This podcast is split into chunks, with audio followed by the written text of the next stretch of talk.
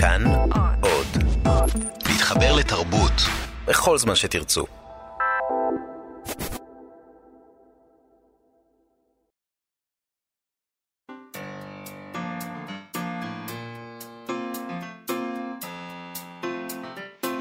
מה שכרוך עם יובל אביבי ומה יעשה לה. שלום, שבוע טוב, אנחנו מה שכרוך בכאן תרבות, מגזין הספרות היומי שלכם בתוכנית ראשונה לשבוע זה. נזכיר לכם שאפשר להאזין לנו ב-104.9 ו-105.3 FM, או אה, ביישומון של כאן, אה, שאפשר למצוא בחנויות האפליקציות חינם אין כסף. איתנו באולפן דרור רוטשטיין ואריאל בן דוב על הביצוע הטכני ועל ההפקה, שלום לכם ותודה. ושלום גם לך, מה יעשה לה? שלום יובל. אנחנו נשוחח בתוכנית היום עם דוקטור זמירה פורן ציון על צדק חלוקתי ספרותי, המאבק המזרחי על תוכנית הלימודים בספרות. מאמר שלה תחת השם הזה התפרסם לאחרונה בספר זיו נוצץ מדמע, סוגיית המזרחיות בהקשרים חינוכיים ותרבותיים, שערכו מימי חסקין וניסים אבישר, ובו היא מציעה סקירה היסטורית של הניסיון לאזן מעט את היחס העדתי ביצירות הספרות שנכללות בתוכניות הלימודים. היא מתארת את ההשפעה בפועל של ועדת ביטון. אה, שגם היא הייתה בה, היא ישבה בה, כן. עד כמה שאני מבינה. כן. נדבר גם עם אה, מיכל חירותי, אה, העורכת החדשה של כתב העת מאזניים, שתחליף את מתן חרמוני הפורש. נשמע ממנה מה התוכניות שלה, מה החזון שלה, או אולי מה הפנטזיה שלה. יהיו לנו גם ביקורת הביקורת, וזרקור על כתב עת, וסטטוס, וגנזים, לא נגיע לכלום. לא. אולי, היום, מחר, מח... ביום רביעי, בשבוע הבא, נראה, נ... נזרום. הרבה דרמות. נזרום, אנחנו זורמים. אוקיי, אז נתחיל עם... נתחיל. כמקובל בימים אלה, עדכון מגזרת סערת פרס ספיר ומפעל הפיס. אז שבוע שעבר, שלוש סופרות, לאה עיני, אורית וולפיילר ונעמי לויצקי הכריזו אה, על משיכת ספריהן ממועמדות לפרס ספיר, ושני שופטים מוועדת השיפוט של פרס ספיר, דוקטור שאול סתר ודוקטור רועי גרינוולד, התפטרו מהוועדה. ביום חמישי, התפרסם אה, מכתב מטעם 30 סופרים, שבו גם הם מביעים את המחאה שלהם על החלטת דירקטוריון מפעל הפיס להפסיק את התמיכה בסרט הזוכה בפסטיבל דוק אביב, לאחר שהסרט לאה צמל, עורך הדין, זכה בפרס, וגרר מחאה מצד גורמי ימין ובני משפחות שכולות על כך שמפעל הפיס מחלק כספים לסרט העוקב אחר עורך הדין, שמגנה על פלסטינים שמואשמים בעבירות טרור. זה היה תקציר של מה שהתחולל. Mm-hmm. אה, אז כמובן שפרס ספיר מחולק אף הוא מטעם אה, מפעל הפיס, מה שעורר מחלוקת בקרב אנשי ספרות בישראל לגבי אה, הדרך שבה צריכים להתנהל מול הפרס הזה עכשיו. נכון, 30 הסופרים האלה שבינתיים הפכו ל-39 סופרים, נכון? לא הכריזו על משיכת המועמדות של ספריהם מהפרס, הם הכריזו שאם יזכו, יעבירו חלק מכספי הזכייה למימון הסרט לעצם אל עורכת דין. סרט מצוין דרך אגב. אה, בין הסופרים החתומים על המכתב, דרור משעני, מיכל בן נפתלי, נוגה אלבלח, שהיא לא רק סופרת, אלא גם מנכ"לית הוצאת הקיבוץ המאוחד וספריית הפועלים. אה, עוד חתמו יוסי וקסמן, נועה אדלין, רועי חסן, תמר מרין, מתן חרמוני, יערה שחורי, אשכול נבו, ועוד. בפייסבוק הכריזה נוגה אלבלח על התווספותם אחר כך של ליאת אלקיים, יונתן ברג, מעיין גולדמן וכולי. כן. במכתב הזה הם כותבים, בעקבות החלטת מפעל הפיס, החלטנו אנחנו, סופרים וסופרות, שמועמדותם הוגשה על ידי הוצאות הספרים של פרס ספיר של מפעל הפיס לשנת 2019, כי אם וכאשר ניכלל, סליחה, באחת הרשימות של המועמדים לספיר, נעביר כולנו באופן קולקטיבי חלק מכספי הזכייה העתידים שלנו למימון המענק לסרט הזוכה, ובדרך זו אנו מבקשים להביע את מחאתנו על הניסיון לפגוע בפסטיבל דוק אביב וביוצרי הסרט ולתבוע את מה ששייך לכולנו כספי מפעל הפיס אינם שייכים לאדם כזה או אחר, עם עמדה פוליטית כזו או אחרת, הם שייכים לכלל הציבור, אה, כלל ציבור יוצרי ואוהבי התרבות והאומנות. הם ממשיכים וכותבים, במשך שנים עשה מפעל הפיס רבות לקידום התרבות בישראל וללא פניות. מכיוון שהחלטנו לבטל, אה, החלטתו לבטל את המענק התקבלה מטעמים פוליטיים פסולים, החלטנו להתערב על פי צו מצפוננו ולפעול כך שכספי מפעל הפיס יועברו, גם יועברו, בניגוד להחלטתו, למימון המענק. עם זאת, אנחנו עדיין מקווים שמפעל הפיס יחזור בו משלילת המענק, וכמו כן, אם מפעל הפיס יבטל את המענק באופן רטרואקטיבי ליוצרי הסרט, נשקול צעדים נוספים. נכון, המהלך הזה לא עבר בלי ביקורת כמובן. למשל, המשוררת והחוקרת שירה סתיו כתבה בפייסבוק, הקושי לשבור את הכלים מובן, וכאן ברשימה ישנם המוכשרים שבסופרים, מי שיכולים וראויים לזכות, אבל רק תחשבו איזה אפקט מדהים היה לזה אם כל השלושים היו פורשים בבת אחת. בסולידריות עם לאה עיני ונעמי לויצקי ואורית וולפיילר. הכל היה חייב להתקייל מחדש. מה פשר החצי בפנים חצי בחוץ הזה? ככה רק מאפשרים לשיירה לעבור, מסמוס של מחאה, כל כך חבל בעיניי. ואגב, זה אולי יעזור לסרט עליה צמל, אבל מפעל הפיס ביטלו את הפרס לדוק אביב בכלל, אז מה הלאה? אמ, כן. בינה לבין אה, נוגה אלבלח התפתח דיון מאוד מעניין, שבו מקבלים באמת את הצד השני, יש ונוגה בלח כותבת את זה שם, אתם לא יודעים מה זה להיות ב, בסטטוס שבו, במעמד שבו אני נמצאת אה, בעצם, וצריך לחשוב גם על זה. היא כותבת, לא מעט ישבנו וחשבנו על המשמעות של הצעד שלנו, והאם הוא פספוס או לא, חזק או חלש. אנחנו אנשים חושבים ומבינים את המציאות סביבנו, היו דעות לכאן ולכאן, והמון המון התלבטויות. יומיים קדחתניים עברו עלינו יוזמי המהלך עד שהגענו למה שהגענו ויכולנו להרגיש שלמים איתו לעת עתה. להרגיש שיש בו אמירה ברורה שגם יכולה למשוך הרבה סופרים שיביעו כך את עמדתם הברורה. ועובדה שהצטרפו 30 סופרים וסופרות תוך כמה שעות. לשבור את הכלים זה הדבר הכי קל, אבל להישאר במערכה ולנסות לנווט אותה למקום אחר, כולל את הכספים עצמם, זה צעד ראשון והכרחי. רצינו למחות, רצינו להביע סולידריות עם יוצרים אחרים. אם יהיה צריך להקצין את המערכה, תמיד נוכל להקצין. נכון, והיא גם הוסיפה, כמובן, אל תשפטי אדם לפני שתעמדי במקומו, בין אם כמנכ"לית הוצאה ובין אם כסופרת המועמדת לפרס, האחריות משתנה, ההקרבה משתנה, הנוף משתנה, תלוי איפה עומדים. בהוצאת הקיבוץ המאוחד אנחנו נסמכים רבות על תמיכות מפעל הפיס, בשירה, בעיון. ספרים רבים היקרים לליבנו לא היו רואים אור בלעדי התמיכות האלה.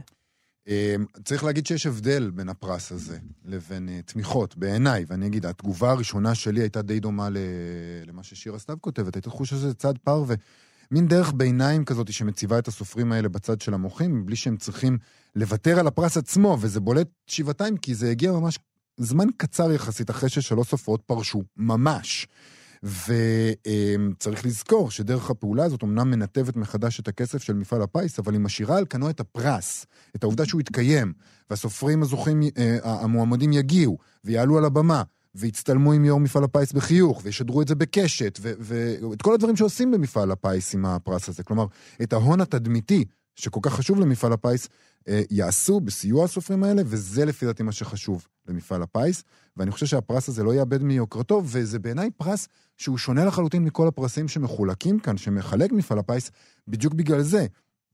ההוכחה היא שלמשל שזה פרס שמשודר בטלוויזיה, אני לא חושב שיש פרסים אחרים שמשדרים אותם בטלוויזיה. ברור שמעמדו אחר, ושמפעל הפיס בונה עליו לצרכים האלה בדיוק. אני אגיד לך משהו. אני חושבת שאולי עדיף שאנחנו לא נייעץ לאנשים אחרים איך לנהל את המאבק שלהם. אני חושבת שיש משהו לא הגון בלהגיד לאנשים אחרים, תוותרו על פרס ותוותרו על כסף. לאה איני שוויתרה יכולה להגיד את זה לאנשים אחרים. אנחנו לא. אני חושבת שיש איזה ספורט כזה ישראלי של אה, לומר לאחרים איך להתנהל ואיך להיאבק. כולנו לוקחים בו חלק, אבל זה ספורט גואלי למדי. אה, לא, לא שאין לי מחשבות על המאבק של זה ושל ההוא, ולא שאני לא מדברת עם, על זה עם חברים שלי, וחושבת, צריך לעשות ככה וצריך לעשות ככה, אבל, אבל זה יכול גם להישאר ככה, ביני לביני. אה, לא כל הזמן צריך להטיף לאחרים. אה, גם ראיתי אנשים בפייסבוק שמטיפים לסופרים לוותר ושהם עצמם מקבלים תמיכות ממפעל הפיס.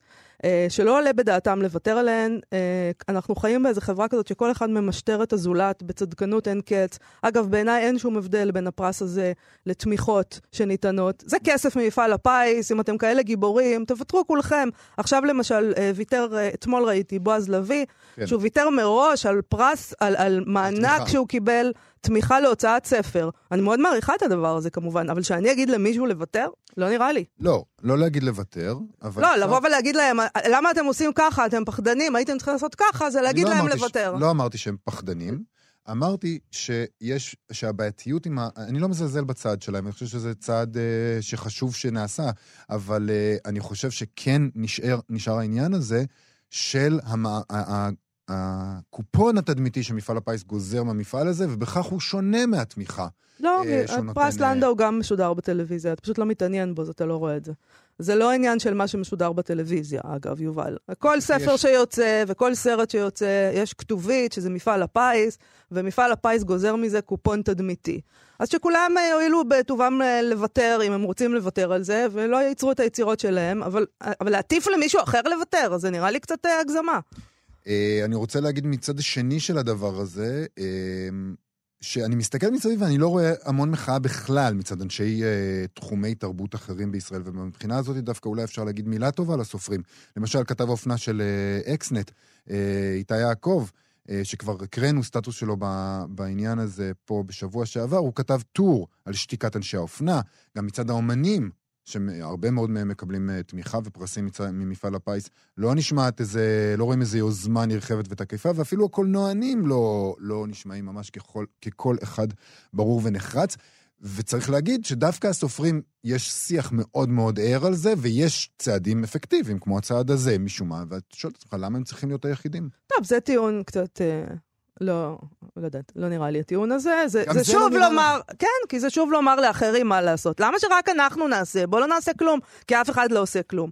זה לא מחזיק מים, שכל אחד יעשה את הפעולות שהוא רואה לנכון לעשות, ו, ו, ושכל אחד גם, שלא עשה את הפעולות האלה, אני, אני לא, לא נאלצת לוותר על פרס, כי אני לא מועמדת לפרס, כי אני לא ממומנת על ידי מפעל הפיס, אבל אני לא יכולה להגיד לך מה הייתי עושה אם כן, ואם בזה הייתה תלויה העשייה שלי. אני לא יכולה, זאת אומרת, אם הייתי צדקנית, הייתי אומרת, אני ברור שהייתי מוותרת, אבל אני מנסה לא לעשות את הדבר הזה. אז אתה יודע, כאילו, אני, כל אחד שיפסיק לשבת כמו החבובות על החלון ולהעיר לאחרים מה, איך הם צריכים לפעול. נראה לי שזה יכול אה, להוביל אותנו, אתה יודע, זה, זה, זה אין שונה, זה, זה לא שונה מלהגיד לאתיופים למה אתם מפגינים ככה ולא אחרת, אה, ולנכים למה חסמתם לי את עזריאלי, וכל פעם יש לנו ביקורת מחאות, שזה ספורט גואלי, אין מה לעשות.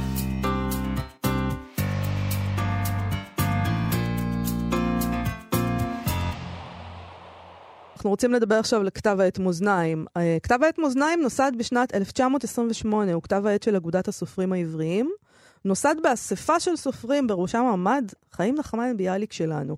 הגיליון הראשון שלו יצא לאור במרץ 1929, אז אנחנו בעצם גם חוגגים לו 90 שנה, שזה לא מעט לכתב עת, יובל. בהחלט. אה, האורחים הראשונים של כתב העת הזה היו י"ד ברקוביץ' ופישל לחובר, ולצידם במערכת היו אשר ברש, יעקב פיכמן ושלמה צמח, תאר לך. במהלך השנים ערכו את כתב העת הזה שלל אנשים, ביניהם יעקב שטיינברג, משה שמיר, חיים פסח, אורציון ברטנה, אשר רייך, משה בן שאול ועוד רבים וטובים. בשנת 2016 מונה הסופר מתן חרמוני לערוך את כתב העת, וכעת הוא הודיע על פרישה, ותחליף אותו מיכל חירותי, ואנחנו נדבר איתה עכשיו לבדוק מה תוכניותיה. מיכל חירותי היא עורכת ספרותית ותיקה. היא הייתה עורכת ספרות המקור בשלל הוצאות, במודן, במטר, בידיעות ספרים, גם בספרייה החדשה. במהלך השנים ערכה יותר מ-200 ספרים. למשל, היא ערכה את רב המכר של העשור, יובל, מלכת היופי של ירושלים, שכתבה שרית ישי לוי. זה רב המכר של העשור. אני חושבת שלא היה דבר כדבר הזה. אה. אה, אפילו לא לגרוסמן, אבל יכול להיות שאני מגזימה עכשיו. אוקיי. שלום. למיכל חירותי. לא מגזימה, לא מגזימה. לא מגזימה, שלום, נכון? שלום. שלום לך. אז אה, לא, פתאום שלום. עמד ליד זה גרוסמן, ואמרתי, אבל זה היא. אה, באופן כן, תמוה. לא, זה היה, זה היה משהו באמת היסטרי. כן, משהו לא צפוי ביותר. רוסמן יכול רק כן. לקוות למכירות כאלה. כן, זה רק מראה לך, לא, אגב, לא, איך... לא, אה, לא להגזים עכשיו. זה זה אנחנו- עומד ליד. אנחנו, באמת. אנחנו נעים בין אה, לנסות להרים לבין לנסות להשפיל, אה, או לפחות אני, אנחנו מבולבלים מהעניין הזה. בואי מיכל נעבור למאזניים. אה, מה החזון שלך עם אה, לדבר בצורה בומבסטית אה, למאזניים? אוקיי. אה, אה, שלום לכם. שלום, שלום. קודם כל. נורא אוהבת את התוכנית. תודה תודה רבה. רבה. כיף, כיף. אה, טוב, אז זה באמת אה, מילה בומבסטית. בתור אה, חסידת ה understatement אני פחות מתחברת למילים גדולות, אז בואו נרד לרמת האג'נדה נגיד. אוקיי, מה האג'נדה? טוב, אז קודם כל אני הייתי רוצה להמשיך את הכיוון ש... שלאורו פעלתי כל השנים בהוצאות הספרים, שהייתי עורכת המקור של מודן, מטר ידיעות ספרים. כמו שאמרת. תמיד היה לי חשוב לגלות קולות חדשים, לקדם יצירות ביקורים, לעזור בעצם, לעזור לייצר דור ההמשך של הספרות העברית שלנו. כן. לעודד סופרים מוכשרים בראשית דרכם, שזה אגב מתחבר למה שביאליק אמר ב-1929, באותה ישיבה ראשונה של מועצת מאזניים, שצריך לקדם סופרים בראשית דרכם, כבר אז זה היה, היה דיבור כזה. כן. ובפרט היום, שזה נראה לי חשוב, נראה לי חשוב מתמיד, כי uh, הרבה כותבים מוכשרים נתקלים היום במציאות שבה הם לא יכולים באמת uh, לפרוץ או להתגלות, כי הוצאות הספרים שמנסות לשרוד uh, לא יכולות להרשות לעצמן uh, מסחרית. נכון. להוציא לאור הרבה יצירות ביקורים וקובצי סיפורים קצרים וכל מה שידוע מראש שלא יהיה מסחרי. אה, אז אני הייתי רוצה לפחות לתת את הבמה של כתב העת ליוצרים ראויים. את חושבת שכתב עת... שאולי הפרסום במאזניים ייתן להם איזושהי דחיפה. את חושבת שכתב עת ו... יכול לתת את הדחיפה הזאת? זאת אומרת, אה, אני, אני לא מזלזל, מזלזל בקהל קוראיו, אבל אה, גם לכתבי עת מאוד קשה היום, אם הזכרת את הקשיים של הוצאות הספרים. זה לא ש... יש... כתבי העת משגשגים. כתבי העת משגשגים, בדיוק. כן, תשמע, אם תגידו לי שמאזין לנו כרגע איזה ספונסר שהיה רוצה לממן את כתב העת של אגודת הסופרים, אז בכלל אנחנו... תפנה אלינו אחרי השידור, אנחנו נקשר ביניכם. את כל הפנטזיות שלי. אה, הייתי רוצה לעשות דברים גדולים, אבל אה, אתם יודעים, אנחנו אבל גם מבחינת דברים קטנים. פועלים במסגרת של...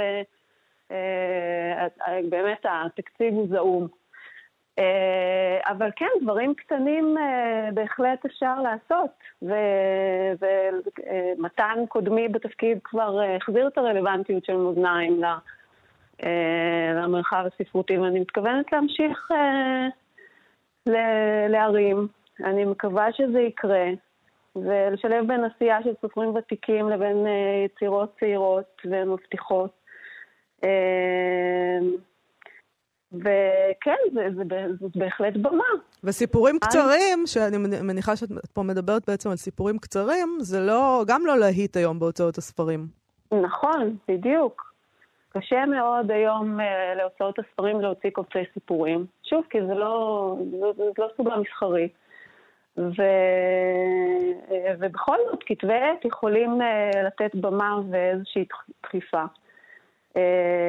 וגם הייתי רוצה לייצר באמת שיח בין-דורי, בין, ה, בין הוותיקים לחדשים, ועוד עוד נושא שהייתי רוצה לקדם זה את המסות הספרותיות, שזה mm. בכלל אה, ז'אנר שהולך ונכחד. זהו, זה, זה היה משהו שלמתן חרמוני היה מאוד חשוב, הוא אמר את זה פה בתוכנית, הוא כתב את זה בכתב העת מספר פעמים, אבל אבל הוא, הוא לא הצליח בזה. בדיוק, הוא גם אמר מאוד בכנות ש, שלא כל כך הצליח לו. הוא לא ממש הצליח לסחוף אה, אחריו אה, אה, סופרים. תשמע, זה, זה שוב, זה סביב, סביב אותו נושא. אני היום לא יכולה אה, להזמין מסות ספרותיות מכותבים ו, ולתגמל אותם כמו שצריך על, ה, על העבודה שלהם. וזה מתחיל מכאן, כי, הם, כי סופרים היום עסוקים בהישרדות יותר מאשר בכל דבר אחר, ואין להם זמן לטקסטים של הגות ולטקסטים על ספרות. אה, אבל בכל זאת, אני כן, אני גם חושבת כמו מתן שזה זה מאוד מאוד חשוב לשיח, והייתי רוצה לנסות לקדם את הדבר הזה. אה, שיחזור להיות אה, באמת חלק מהשיח, יהיה... זה בעצם, זה, זה מה שמייצר שיח. כי אנחנו רוצים גם אה, לכתוב גם על ספרות ולא רק אה, את הספרות. מה עם ביקורות? יהיו ביקורות בכתב העת? אני לא חושבת שיהיו ביקורות, אני פחות רוצה להביא לכיוון השיפוטי. כן הייתי רוצה לפרסם כמובן רשימות ו... ומסות, ולא בכיוון אקדמי, בכיוון, שוב, של עשייה ספרותית, של שדה ספרותי. פחות ביקורות, כי אני גם לא אותם, רוצה... גם אותם היית רוצה נגיד שסופרים או כותבים אחרים יכתבו? אה, כן, בהחלט. כי זה גם כן מסובך מאוד אה, עבור אה, סופרים, לכתוב עבור חבריהם הסופרים. הרבה פעמים זה מסתכם באיזושהי... לא, אם זה לא שיפוטי, הם יכולים לכתוב. בדיוק, זה, אבל זה מגיע כן, למקום שבו זה, יש בדיוק מעט... בדיוק בגלל זה אני, אני מכוונת למקום של רשימות ולא, ולא ביקורות. זאת אומרת, לא נקבל שם את זה לקרוא ואת זה לא לקרוא. אני מניחה שלא. לפחות בשלב זה אני... לא, אבל את יודעת, גם במסע שסופר כותב על אה, חברו הסופר, יכולים לעלות נגיד חולשות, או משהו שלא עובד, ודברים כאלה, זאת אומרת, לא יהיה למקום? אה, בסדר, אתה יודע, בתוך, בתוך דיון על משהו שאתה מנסה להעיר כל מיני צדדים שלו, אז, אז כן, זה יהיה, אבל לא, לא במובן השיפוטי ולא כמו שזה מופיע היום, נגיד, במוסף הספרים של הארץ. אוקיי, לא תהיו מוסף ספרים של הארץ, בסדר? מיכל חירותי, העורכת החדשה של כתב העת אה, מאזניים, תודה רבה לך על השיחה הזאת. זה הכל, יש לי עוד מלא דברים להגיד לכם. אז נדבר שוב. ניתן איזה מאה ימים של חסד, ואז... תזמינו אותי לשיחה על מצב הספרות. בסדר, תודה רבה, מיכל. תודה רבה. ביי, תודה לכם.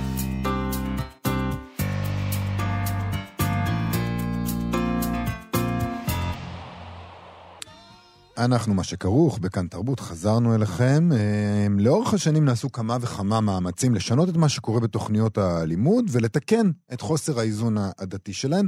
אה, מה שנטענו, ש... ו- וזה קורה, רואים את זה בתוכניות, רוב ההיסטוריה שלומדים בבתי הספר נוגעת לעולם המערב, ליהדות אירופה, דברים שקרו ליהדות אירופה. אה, רוב מכריע של יצירות הספרותיות שתלמידים נדרשים לקרוא נכתבו בידי סופרים שהגיעו מאירופה. אמ, הניסיון האחרון לעשות את הדבר הזה הוא כמובן אה, ועדת ביטון. ועדת ביטון להעצמת הזהות של יהדות ספרד והמזרח במערכת החינוך, בראשות המשורר ארז ביטון. אה, אה, הוועדה הזאת מונתה על ידי שר החינוך לשעבר, נפתלי בנט. האם היא באמת עשתה את השינוי הנדרש? מאמר של דוקטור זמירה פורן ציון בספר זיו נוצץ מדמע, סוגיית המזרחיות בהקשרים חינוכיים ותרבותיים. את הספר הזה ערכו מימי חסקין וניסים אבישר, הוא יצא בהוצאת רסלינג. המאמר נקרא צדק חלוקתי ספרותי, המאבק המזרחי על תוכניות הלימוד בספרות, ועוסק בדיוק בכך. הוא קודם כל מפרט את ההיסטוריה של ניסיונות האיזון האלה בתוכניות הלימוד, וגם את האפקט שלהן בפועל. ולא היה לזה אפקט דרמטי, אבל קיווינו, אני לא יודע, הדיבור היה על ועדת ביטון, היה תחושה שמשהו מאוד מאוד נעשה. עכשיו, דוקטור זמירה פורן ציון היא גם אומנית ושחקנית יוצרת, היא מרצה ומדריכה פדגוגית בחוקים לספרות ואומנות במכללת uh, סמינר הקיבוצים. היא לימדה ספרות במשך שנים uh, בתיכון uh, רמלה לוד. היא פעילה חברתית וממקימת תנועות אחותי למען נשים בישראל וליבי במזרח להקצאה שוויונית בתרבות ובחינוך, והיא הייתה ממש מעורבת לאורך השנים בוועדות שונות שמשרד החינוך מינה לטובתן, כולל ועדת ביטון, כלומר, זו עדות מבפנים. שלום uh, לדוקטור זמירה פורן ציון. שלום לך. אה, אז בואי נתחיל בעצם, נעשה איזה יישור קו. במאמר את מציעה אה, סקירה היסטורית של הניסיונות לאזן את התוכנית הזאת, את תוכנית הלימודים בספרות מבחינה עדתית, ומסתבר שזה המון שנים כבר, אנחנו ככה חיים את הדבר הזה ולא שמים לב, אבל מדובר על עשורים של ניסיונות לעשות. נכון, אמת. אז ספרי, ספרי לנו, תני לנו אמ, בזריזות נגיד בזריזות. את הסקירה הזאת. במילה אחת.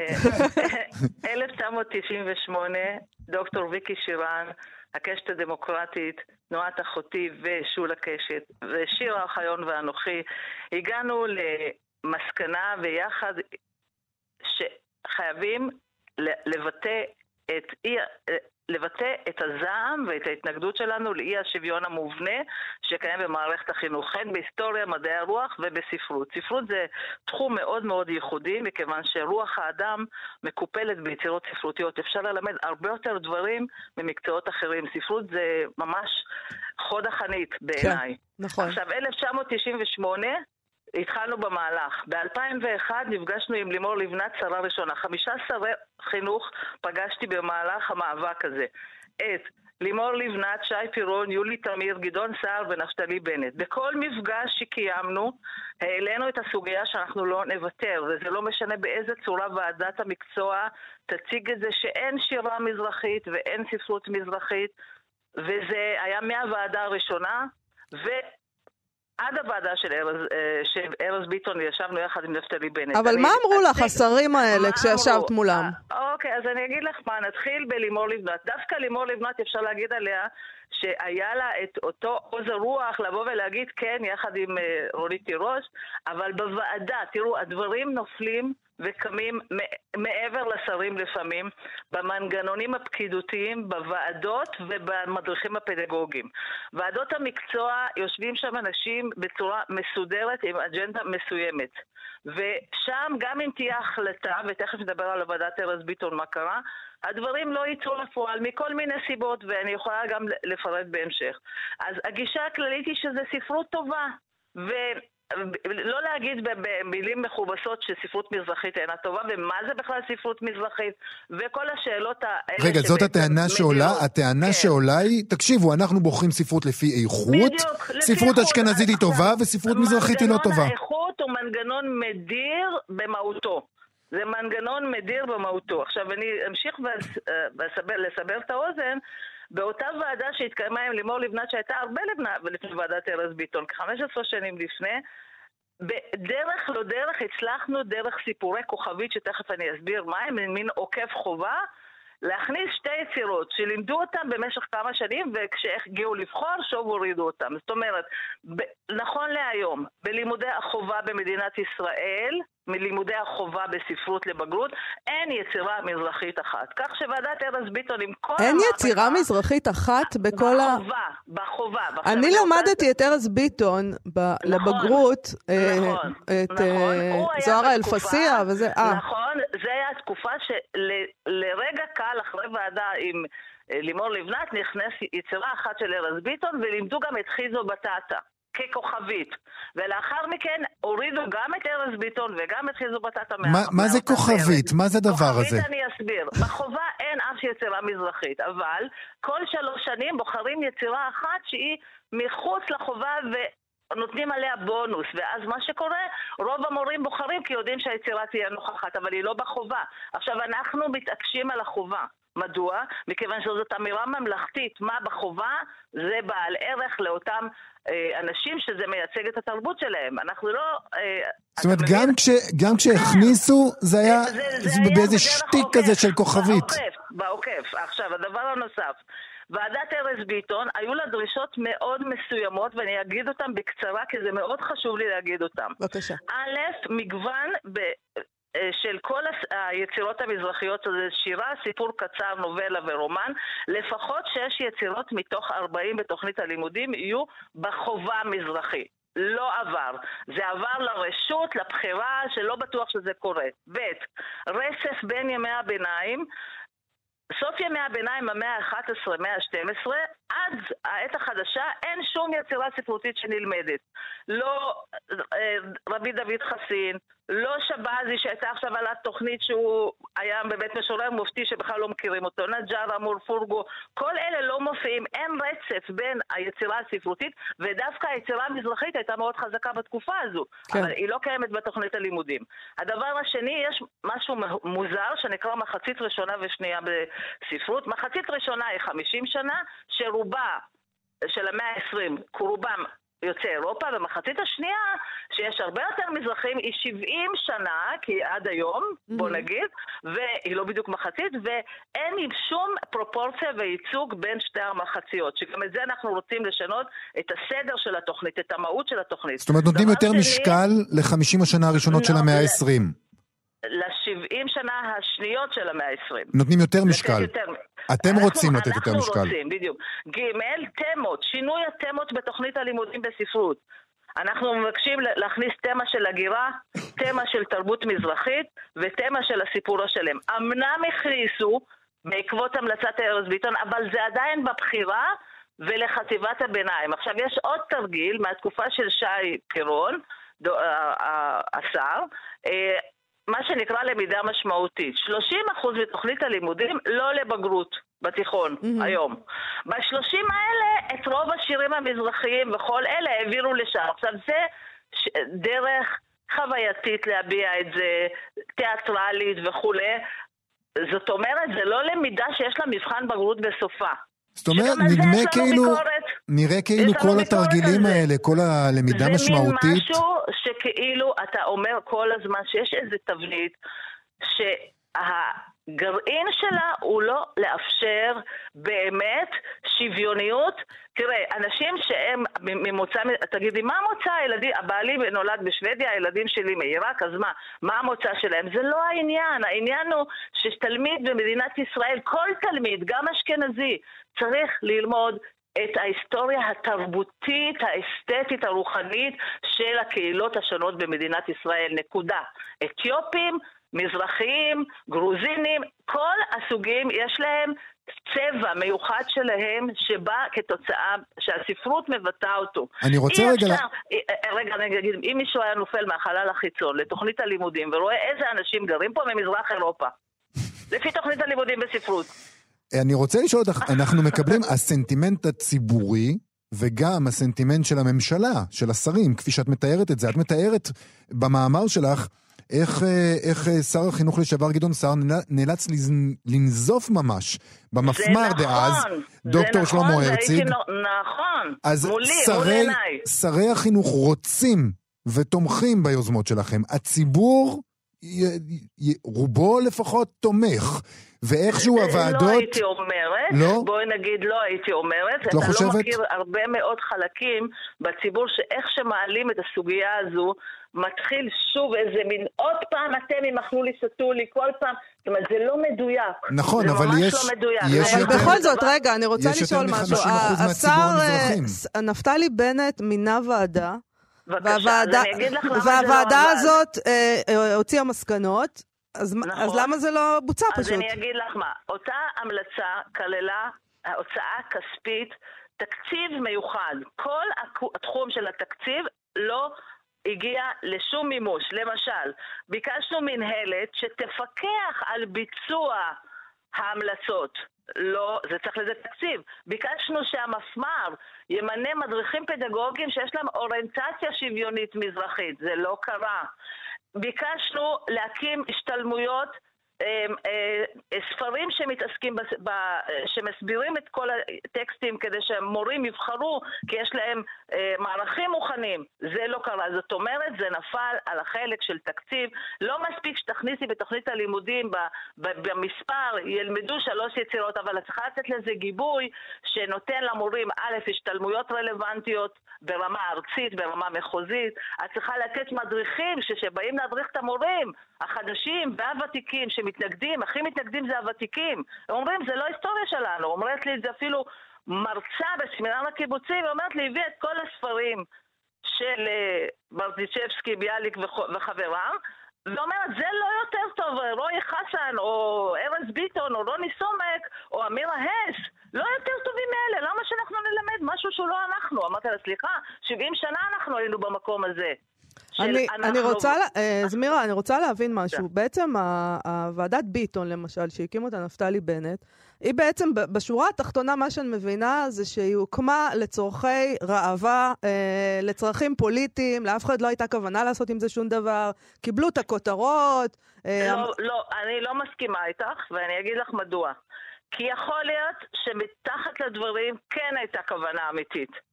אני לא באה ומנסה להגיד איזו כותרת כל כך שלילית. מה כן. שאני כן רוצה להגיד, שבתהליכים של הביצוע של רעיונות שבמקורם באמת ישבו הוועדות, ישבנו זמן רב ובכל מיני סוגי ועדות,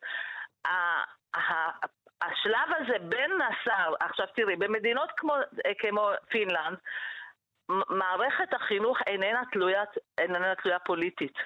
היא חופשית והיא ממשיכה ונבנית. פה כל ארבע שנים הכל משתנה, ומה שקורה שמה שעבדנו חוזרים אה, חזרה. עכשיו כן. גם התקצוב הוא בעיה פוליטית, זה אני מסכימה איתך. זה בעיה פוליטית. אבל בפועל, מעבר בפועל, לזה, מה שקרה עכשיו בפועל, זה שוועדת ביטון, כמו ועדות אה, לפניה, נכשלה.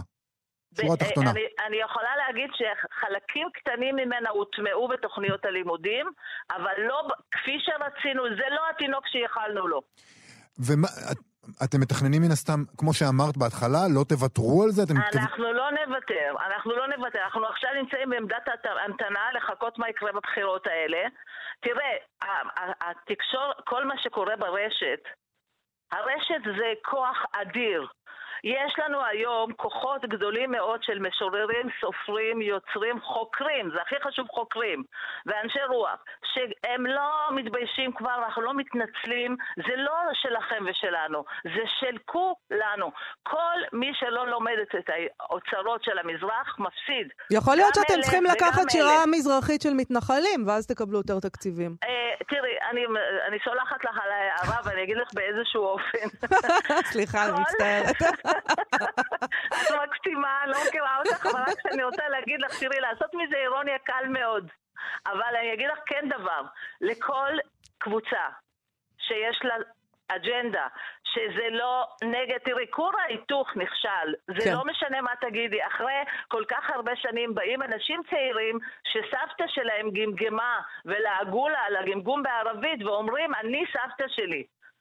תראי, זה כמו מים, הכוח של התרבות הוא כמו מים. אבל זה מאוד מאוד חזק, שלעים. כמו שאת ציינת, בכל מקום. זאת אומרת, זה נמצא בשירה, זה נמצא בספרות, זה נמצא זה באקדמיה, לא, זה נמצא ולא, ב... ולא בחינוך. אבל בחינוך יש משהו נוקשה במבנים האלה. זה מבנים קשים ונוקשים, ולא כן. רק זה, זה הכל מבנים של אנשים שצריכים את המקומות שהם עובדים בהם.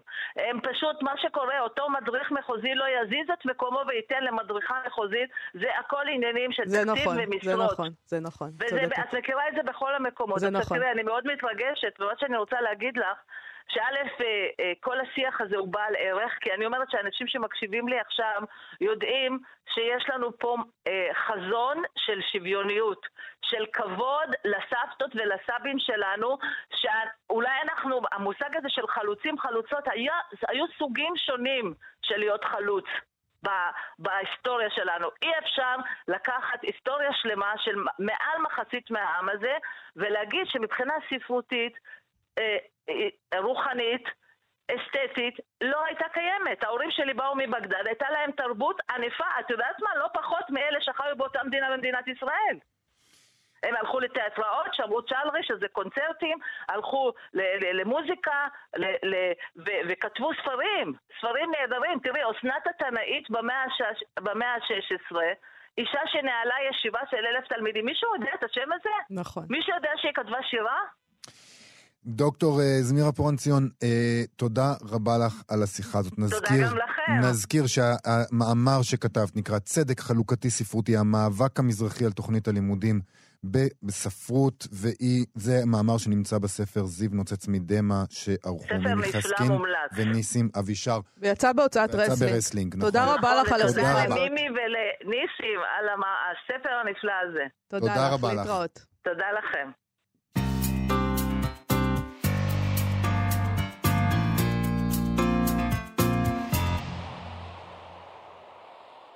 פינת ביקורת הביקורת שלנו, בכאן תרבות, מה שכרוך.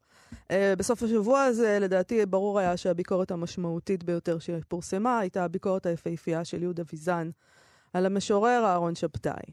מדובר במסע ארוכה שאני ממליצה לקרוא את כולה, אנחנו לא נוכל, אנחנו לא נקרא פה את כולה, אבל אני מאוד ממליצה עליה. היא מסתיימת בתהייה של ויזן על כך ששבתאי טרם קיבל את פרס ישראל, מדובר לדבריו בחרפה ואות קלון לכולנו. כן. אבל פרסים זה לא העניין עם אהרון שבתאי. לא. דרך אגב, הוא, הוא, הוא מתחיל את הביקורת עם, אה, עם מעין אה, אה, גילוי נאות, אבל הביקורת מאוד מאוזנת, זאת אומרת, הוא מדבר שם גם על ההישגים הגדולים של שבתאי, אבל גם יורד עליו על כל מיני נקודות. לא, ביקורת אה, שמאוד ביקורת מהללת מאוד את שבתאי. מהללת, מאוד מהללת, אבל יודעת אה, להחמיר כשצריך. אה, ויזן אה, מבקש בטקסט שלו, וזה ציטוט, לשרטט ולו בקווי מתאר את המהלך השירי המונומנטלי של שבתאי, ובתוך כך להציע לקוראים נוספים שאינם נמנים עם הגרעין הקשה והנצמק של קוראי השירה העברית, אי אלו אפיקים צנועים שדרכם יוכלו לגשת לשירתו מתוך הקשר כלשהו וללא מבוכה. הוא מסביר קודם כל את uh, סוגיית הנוסח, עליו אמר ביאליק שהוא האב והיסוד לכולם. לפי מה שוויזן uh, כותב, מעטים הם המשוררים שהקדישו מאמץ רב כל כך כשבתאי, בניסיון לברר את השאלות המהותיות והבסיסיות הניצבות בבסיס הכתיבה. שאלות שכותבים רבים מדי פוסחים עליהן, מבלי להניד עפעף, מתוך קונפורמיזם ועצלות, ובעיקר כי אין להם שמץ של מושג. שאלות כגון, למה השיר שלי נראה כמו שהוא נראה? למה אני כותב דווקא כך, בחרוז חופשי, ולא כך, בהקסט... בהקסמטר או בטרצינה? מה היחס בין צורת השיר שלי לתוכנו, וכיצד הם משרתים זה את זה? מהי האתיקה הנגזרת מן הצורה שלי? או לחילופין, איזו צורה נגזרת מן האתיקה שלי? וכיוצא באלה שאלות שהעסיקו משוררים במשך הדורות. הוא מתאר בביקורת שלו את המהלך השירי של שבתאי, למן הספר הראשון, דרך גיבוש הנוסח השבתאי, ומתאר את ההשפעות שהיו עליו, טי.אס אליוט, טי.אי יום, אבי התנועה האימג'יסטית, אה, והוא מסביר מאוד יפה ובהיר את יום, ומכאן גם את שבתאי. ויזן כותב כך את יום: המשורר שביקש לדבר על שירה כשם שמדברים על חזירים, כלומר בגובה העיניים, בלי ערפל סגלגל ומיסטי, ושהכריז אחרי שקיבל עליו את השלכותיהם החמורות של מושגים נוצרים כגון הנפילה והחטא הקדמון, כי יש לבקר תפיסה קלאסיציסטית, קלאסיציסטית של האדם על פני זו הרומנטית. כלומר, יש לשוב ולאמץ את התפיסה הגורסת כי האדם הוא חיה. הוא קבוע ומוגבל בצורה יוצאת דופן, וטבעו אינו נתון לשינויים. ודי במשפט קצר זה, בעבור מי שבקיא בשירת שבתאי, כדי להבין את גודל תפקידו של היום בעיצוב תפיסת העולם השבתאית, שבמסגרתה מסולקים הנשגב והרומנטי, או שמא מוחלפים בשגב וברומנטיקה מסוג אחר, לטובת הוויית היום-יום.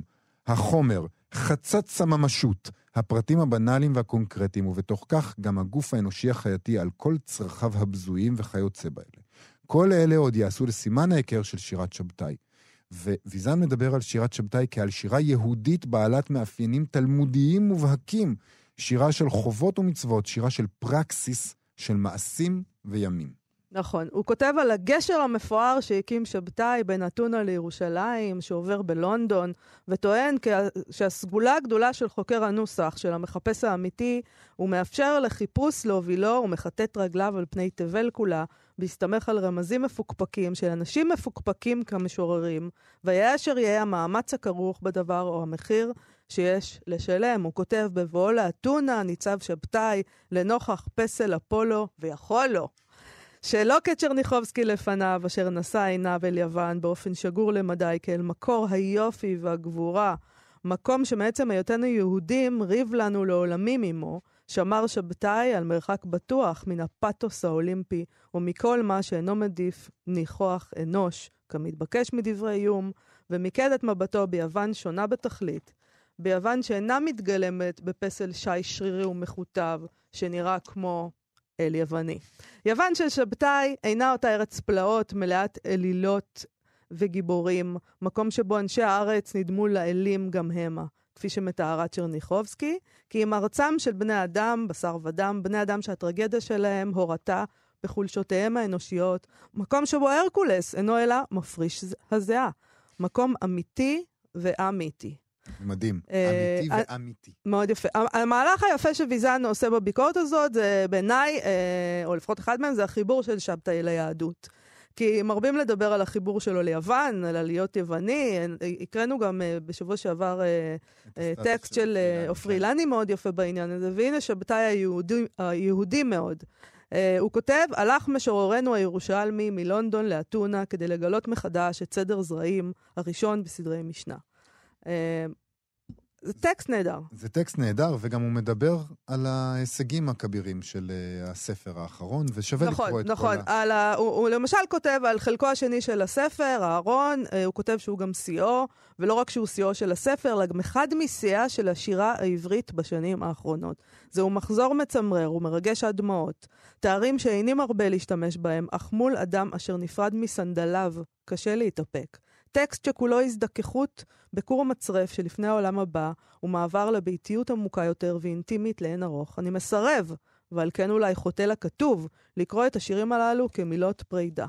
תיאור מנחם יותר יהיה להציגם כהצצה לתודעה של משורר בשל, לפרספקטיבה שנדרשות שנים ארוכות כדי לרוכשה. פשוט אצטט, והוא מצטט את שבתאי.